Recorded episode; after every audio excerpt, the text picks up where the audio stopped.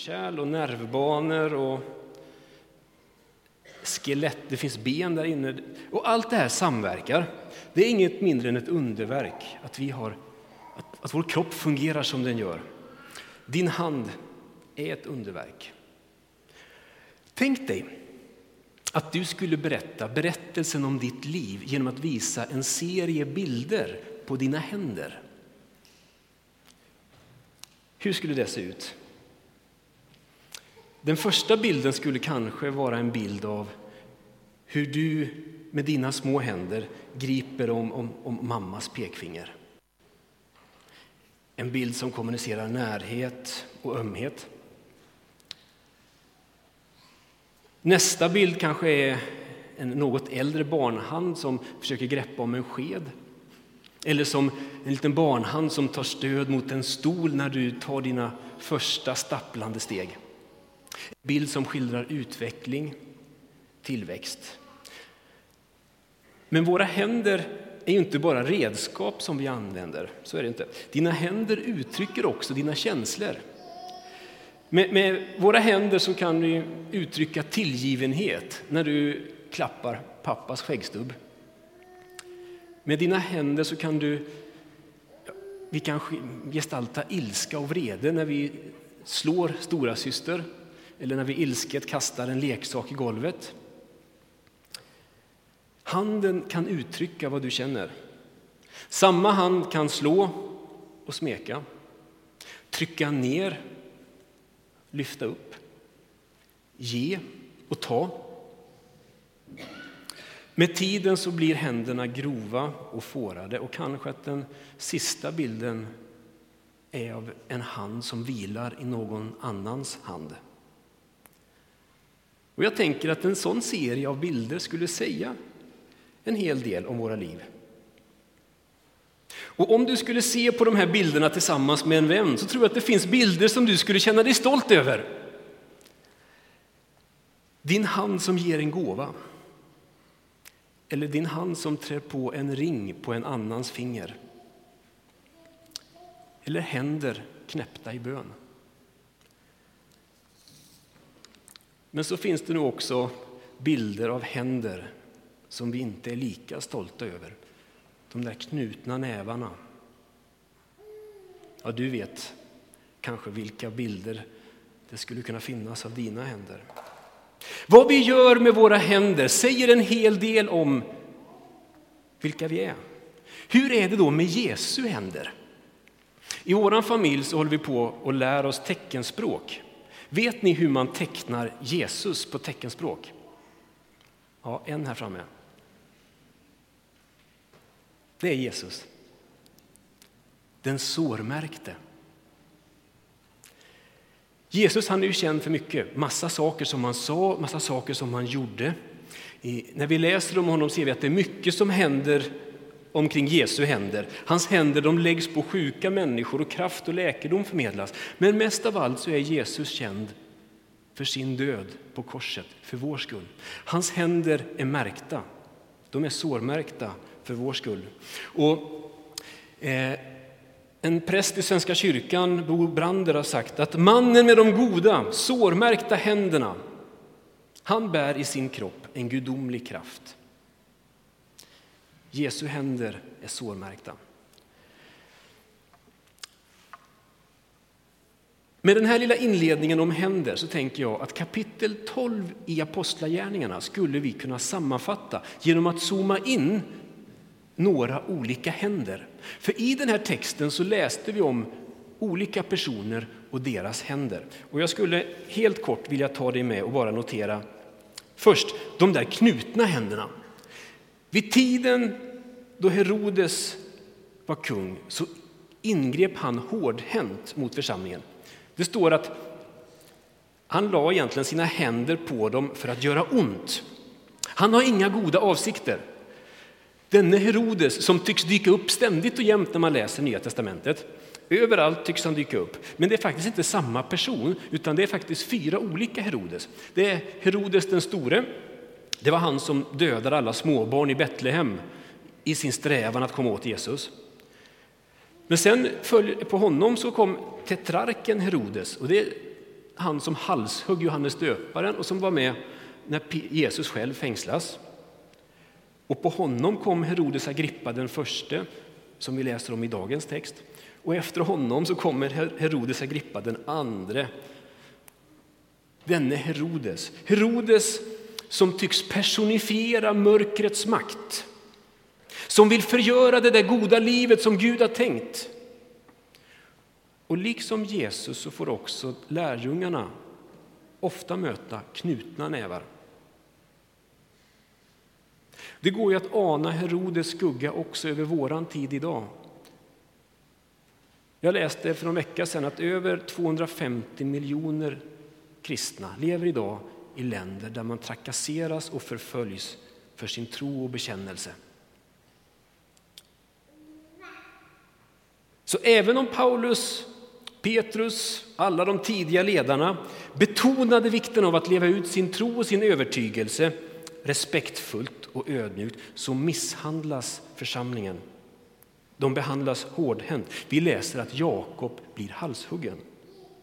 Jakob som tillhör den där innersta kretsen, nära vän till Petrus.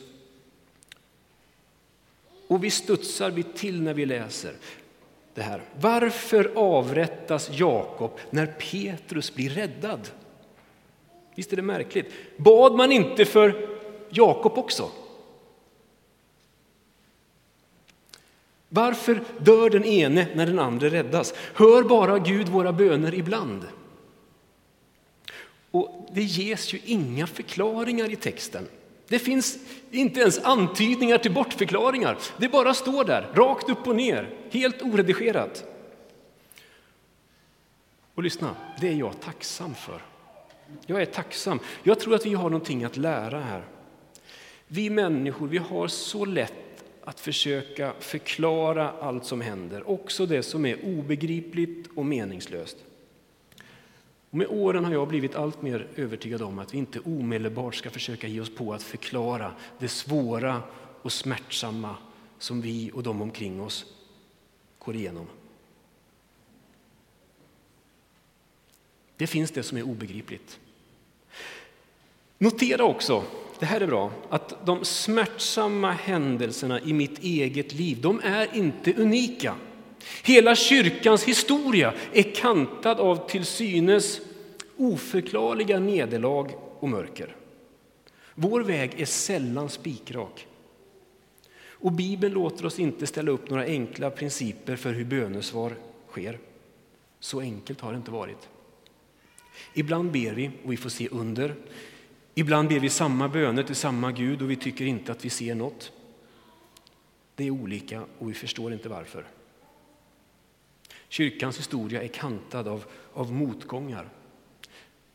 Men våran väg, både vår egen och kyrkans, är också kantad av oväntade vändningar, av ljus i mörkret, av erfarenheter av Guds godhet och omsorg. Det är också den sanning som den här texten förmedlar. Så vi möter de knutna händerna, men vi möter också de knäppta händerna. När makten agerar med våld så svarar församlingen med bön. Man drar inte igång kampanjer utanför Herodes palats. Det finns, sker inga våghalsiga fritagningsförsök. Man samlas för att be. Jesus hade lärt dem att be Fader vår, du som är i himmelen, rädda oss ifrån det onda. Rädda oss ifrån det onda. Och han hade lärt dem att be, att inte ge upp. Följ med, en liten parentes, en annan bibeltext som vi flikar in. En budbärare springer på dammiga vägar med ett bud från en familj i kris. Han färdas över böljande kullar och genom trånga bergspassager. Han kommer med ett bud, eller med, en bön, till Jesus. Lazarus ligger för döden och budet som den här budbäraren har att förmedla till Jesus det är Kom, Herre, din vän är sjuk. Och för mig handlar bön om just det där. Nämligen att söka upp Jesus med det som är bekymmersamt. Kom Herre, Din vän, den du älskar, är ensam och ledsen. Kom. Kom, Herre Jesus, kom. Den du bryr dig om är utsatt. Kom, Herre Jesus, kom. Den du bryr dig om är sjuk. Eller kom, Herre, den du älskar, din vän, sitter i fängelse. I församlingen, står det, så bad man ihärdigt till Gud för honom. Så Petrus hålls fängslad och de troende de ber. Vi noterar att man ber tillsammans. Bön är inte bara enskilt, det är också gemensamt. Man bad ihärdigt, eller ivrigt eller uthålligt, det går att översätta lite olika. Man bad för honom, alltså man förbannade inte Herodes utan man bad för Petrus. Och man bad till Gud. Bönen är att vända sitt hjärta och rikta sig emot den Jesus som möter oss när vi vänder oss till honom. Riktningen är till Gud. I församlingen bad man ivrigt till Gud för Petrus. Bönen har en central plats i varje människas liv och också i en kristen gemenskap. De troende ber och Gud griper in. I det som sker så kan vi också se Guds osynliga händer. Mitt i det mörker som församlingen upplever så bryter ljus fram. I fängelset så står en ängel. Kyrkans historia är kantad av oväntade vändningar, öppningar. Gud sänder en ängel och ängeln väcker Petrus. Han ligger och sover. Skynda dig upp, säger ängeln. Och vad händer då? Då faller kedjorna från hans händer. Petrus fattar inte något, så ängeln får... Ja, det som utspelar sig det påminner nästan om den dialog man kan ha med dagisbarn. Ta på dig bältet. Ja, och sandalerna, ja, manteln också. Jag vet inte om det utspelar sig i din närhet någon gång. Ängeln får helt enkelt hjälpa den stora gudsmannen Petrus att komma på fötter och klä sig. Petrus verkar inte förstå att det som sker är på riktigt. De passerar en vaktpost och så en till. Järndörren den öppnar sig av sig självt. När Petrus har sansat sig då säger han någonting mycket klarsynt. Nu vet jag verkligen att Herren har räddat mig ur Herodes händer. Och Petrus som vid det här laget är hemma i Jerusalem, han tar sig till Marias hus där han misstänker och tänker, anar kanske att, de, att vännerna finns. Och när han kommer dit och knackar så kommer Rode för att öppna. Och hon blir så till sig när hon hör Petrus röst så istället för att öppna så går hon tillbaka in och säger det är Petrus som är där ute.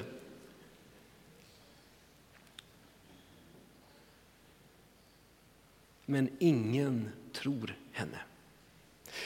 Alltså på samma sätt som man bara några år tidigare hade avvisat kvinnorna som kom från graven med bud om att Jesus har uppstått, så säger man nu till Rode, du är tokig.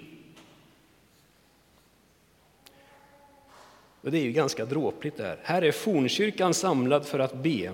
Och de ber för Petrus, men de kan inte i sin vildaste fantasi tänka att Gud skulle kunna gripa in på det sättet som han gör. Du är tokig. Så Petrus får stå där i natten och bulta. Och kanske var det så att församlingens förväntningar hade skruvats ner rejält efter det som hade hänt med Jakob. Kanske så. Men de hade inte slutat att be. Och Gud är inte beroende av oss. När vi ber så är det han som handlar. Och den tidiga kyrkan slutar inte att förtrösta på Gud och ta sin tillflykt till honom. Och jag tänker att det finns något så hoppfullt i den här texten. Att om så klentrogna bedjare ändå får bönesvar, då finns det kanske också hopp för mig och kanske för dig. Gud hör våra böner. I stor kärlek så lyssnar Gud på oss när vi ber. Gud vet att vi möter motgångar, vi möter motstånd, vi möter de där knutna händerna på vår väg genom livet. Våra omständigheter kan göra att vi känner oss riktigt nedslagna eller fastkedjade. Våra omständigheter kan göra att vi känner att modet det är nedslaget. Och i det läget så kommer dagens text med ett evangelium, goda nyheter. Ge inte upp. Vänd dig till Gud i bön. Jesus har omsorg om oss och vill resa oss upp på fötter, som enskilda och som gemenskaper. Och det han säger till Petrus får vi ta till oss också idag. Kom, skynda dig upp. Och vi ställer oss upp tillsammans och vi ska gå in i en avslutning på den här gudstjänsten. Peter och Alfred kommer att leda oss i några enkla lovsångskörer. Sjung med det du kan. Oavsett om du kan sången eller inte så får du här och nu i avslutningen på vår gudstjänst vända dig till Jesus i ditt hjärta och be och lovsjunga. Och vill du att någon ska be med dig så har vi en böneplats ner på min högra sida. Och där finns det personer, förebedjare som kommit hit idag för att vara med och be med dig. Enkelt och okonstlat. Eh, sök dig gärna dit om du vill att någon ber med dig och för dig. Herre, tack att vi får komma precis som vi är. På vår väg genom livet så möter vi de där knutna händerna i många former och skepnader.